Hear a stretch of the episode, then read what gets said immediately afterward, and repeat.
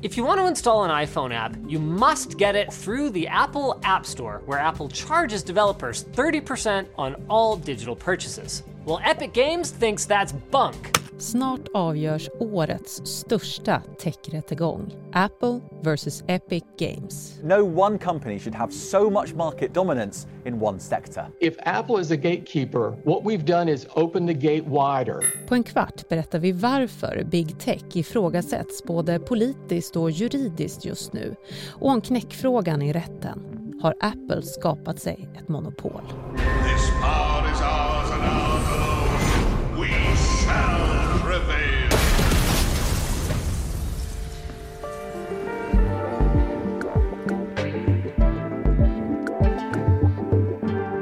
Är torsdag den 3 juni. Jag heter Karin Bülow Orje och du lyssnar till Dagens Story från Svenska Dagbladet.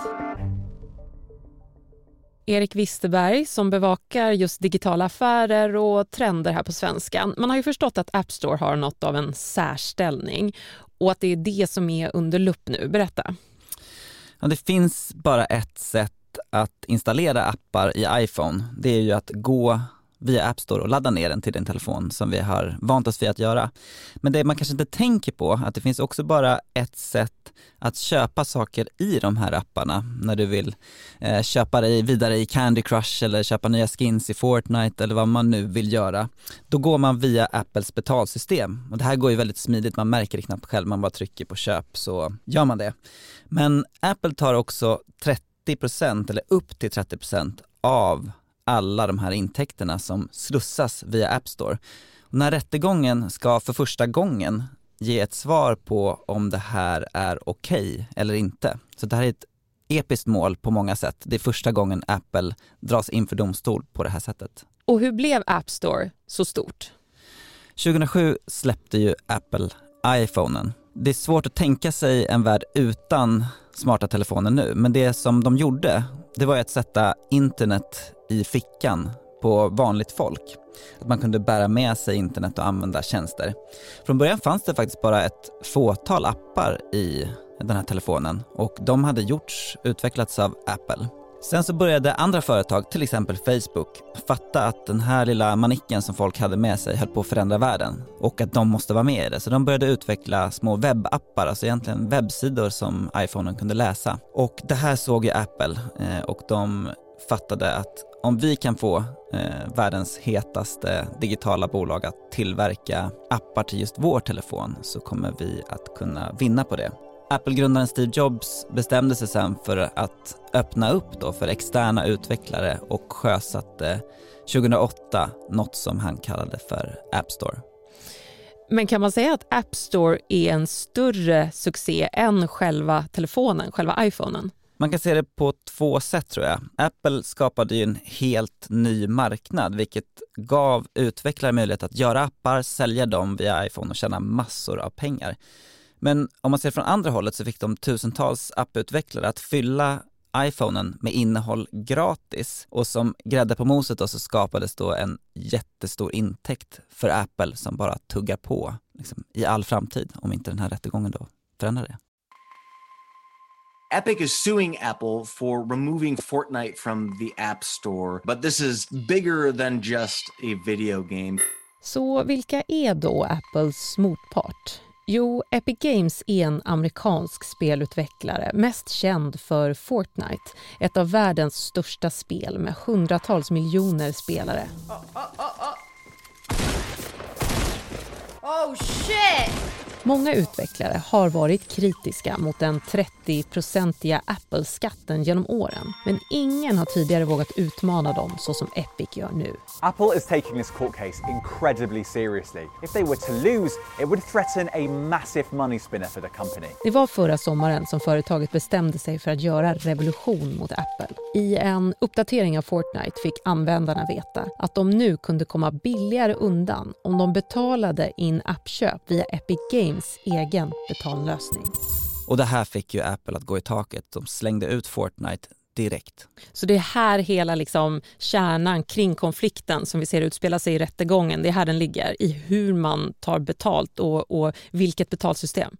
Ja, och om man ens ska få berätta i sin app att det är billigare att köpa det här någon annanstans. Man ska inte rundgå App Store alltså? Nej, varken App Store eller dess obligatoriska betalsystem som Apple kontrollerar. Men Epic Games har ju också tagit sin fade med Apple till Europa. Berätta. Spotify, svenska streamingtjänsten, har varit rasande på Apple länge för det här och de drog ju Apple inför EU-kommissionen och anmälde dem för just den här Apple-skatten.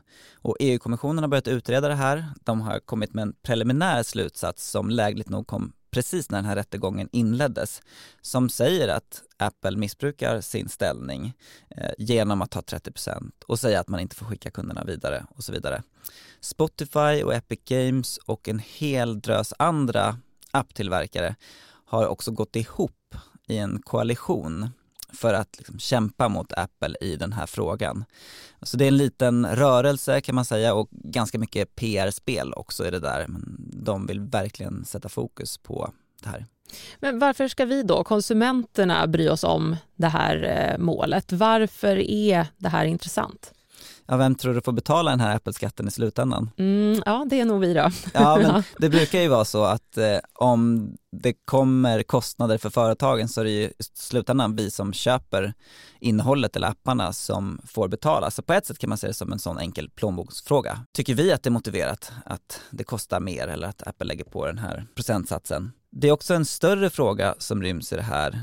Så vad är egentligen ett monopol i våran digitala tid? Är App Store bara liksom en butik som Apple ska få driva precis som de vill, som att man hade en ICA-butik och bestämmer vad som finns på hyllorna och, och affärsvillkoren?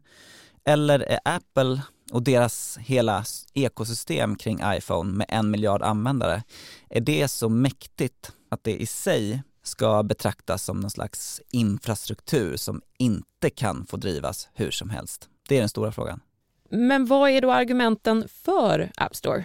Apple argumenterar för att de behöver ta de här intäkterna för att hålla App Store igång, hålla den säker, skydda sina användare från liksom onda utvecklare som vill smyga in liksom, eh, appar med skadlig kod eller spam-appar och bedrägerier. Så att de argumenterar för att App Store är garanten för att en miljard iPhone-användare har säkra telefoner och säkert innehåll i dem. Och de lovar ju att de granskar alla appar väldigt noga och att eh, säkerheten i App Store är så viktig att de här pengarna behövs. We want to take you live now to Tim Cook, California, where he is uh, just testified in the Epic Games case. Domaren i fallet Epic vs Apple, Yvonne Gonzalez Rogers, har tagit internet med storm efter sin utfrågning av Apples vd Tim Cook. The Apple CEO has been preparing for weeks to defend Apple's gigantic profits and to justify how they make that money off your iPhone. Hon frågade under sista rättegångsdagen enkla men raka frågor om Apple Stores affärsmodell. Såsom varför spelutvecklare inte kan få informera kunden om att det finns billigare köpsätt och om det är berättigat att App Store ska ta 30% av intäkterna för all framtid. Och Tim Cook fick svårare och svårare att svara på de här frågorna och till slut så erkände han att det i grund och botten handlar om att skydda Apples affärsmodell och deras liksom, immateriella rättigheter som det kallas lite formellt då. Men är det rimligt att Apple ska få sköta App Store eh, ja, men liknande ett monopol? Ja, det var en grej som jag väntade på under den här rättegången och det var att Apple skulle behöva avslöja hur mycket pengar de tjänar på den här affären. Det är ju en ganska central fråga. Är det en liten vinstmarginal eller är den jättehög? Epic Games har hävdat att den är upp mot 80 procent. Om det är så så faller ju lite av Apples argument. Den siffran har inte kommit ut trots tre veckors rättegång. Och man kan ju göra tolkningen då att Apple tycker att det är känsligt att om världen skulle få veta hur mycket pengar de faktiskt tjänar på App Store så skulle det vara dåligt helt enkelt. Och som svar på monopolfrågan, vi vet inte ens om det här är ett monopol. Det är det som rättegång ska svara på. Apple hävdar ju att det finns ju massa andra eh, appbutiker. Google har en och det finns eh, butiker i Xbox, Playstation och de är bara en liten, liten del av en stor, stor marknad. Eh, och Epic hävdar ju att man måste se den här miljarden iPhone-användare som en egen marknad för det finns inga andra sätt att nå dem. Så att det blir den kittlande frågan. Har Apple ett monopol och har missbrukat den. Och vad tror bedömare om utgången i den här rättegången?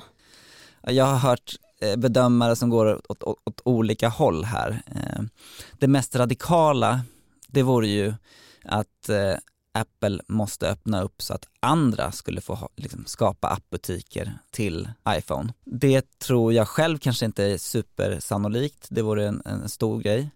Ett annat alternativ är ju att de behöver sänka den här andelen som Apple tar och ett tredje alternativ skulle ju kunna vara då att man helt enkelt som apputvecklare får berätta snällt för sina användare att eh, du kan köpa det här, du kan också köpa det någon annanstans och då är det det här priset som gäller. Så vi får se där.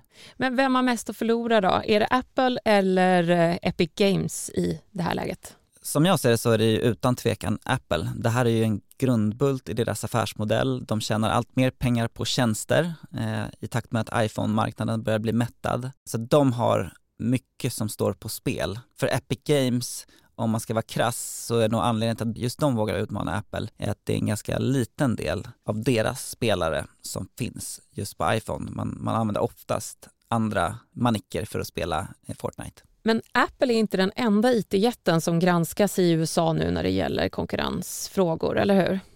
Nej, men det är ju lite av jaktsäsong just nu på det som brukar kallas big tech. Alltså de här tidigare så hyllade bolagen som såg som liksom världens framtid i stort sett. Det har ju svängt både opinionen kring dem eh, och hur lagstiftare och myndigheter ser på dem. Så det här är ju verkligen en större trend där alla de här stora bolagen, Apple, Google, Amazon, Facebook och så vidare, möter liksom rättsprocesser, hot om lagstiftning i ganska många länder och inte minst i EU.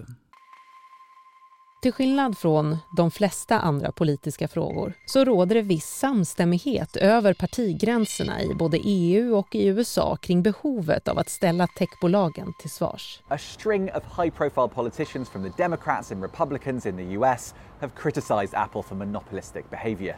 The EU recently announced antitrust charges against Apple for its behavior on the App Store. Enligt EU-kommissionens verkställande viceordförande Margrethe Vestager, som har de här frågorna på sitt bord, så är ett förslag som kan bli EU-lag inom några år att tvinga både Apple och Google, vars mobila operativsystem Android har ett liknande upplägg, att öppna upp för alternativa appbutiker i sina telefoner. Det är bara ett av flera förslag där EU-kommissionen kräver förändringar av Apple i deras relation till apputvecklarna. If you have great powers, how then to make sure that the responsibility allows for the market to stay open and for uh, competitors and also for neighboring markets to remain open? Tror du att det är en trend som kommer att hålla i sig? Att vi kommer få se mer av den här typen av tvister framöver där de här stora jättarna utmanas? Just den här tvisten är ju väldigt speciell eftersom det är två privata bolag som eh, har en liksom, offentlig strid i rätten. Det är ju inte så vanligt. Inget annat bolag har vågat utmana Apple på det här sättet och när jag pratar med svenska utvecklare King till exempel som gör Candy Crush så vågar de inte säga någonting om de tycker det är rimligt eller inte. Så det, det, det är ju det speciella här. Det som jag tror vi kommer få se mycket mer av är ju eh, myndigheter som eh, driver konkurrensmål mot de här jättarna och också kanske lagstiftning. Och Erik, när den här domen då väl faller, då kommer vi att få läsa om det på SvD Näringsliv, eller hur? Ja, vi kommer hålla utkik. Det är inte sagt exakt när den kommer. Eh, det snackas om att det är i slutet av sommaren, kanske i augusti. Det finns också just nu en helt färsk text av vår techanalytiker Björn Jeffrey som förklarar lite om varför Apple kan förlora även om de vinner det här målet som eh, kan rekommendera att läsa eh, för mer djupare insikter där. Mm. svd.se alltså. Tack Erik Wisterberg för att du var med i Dagens Story. Tack.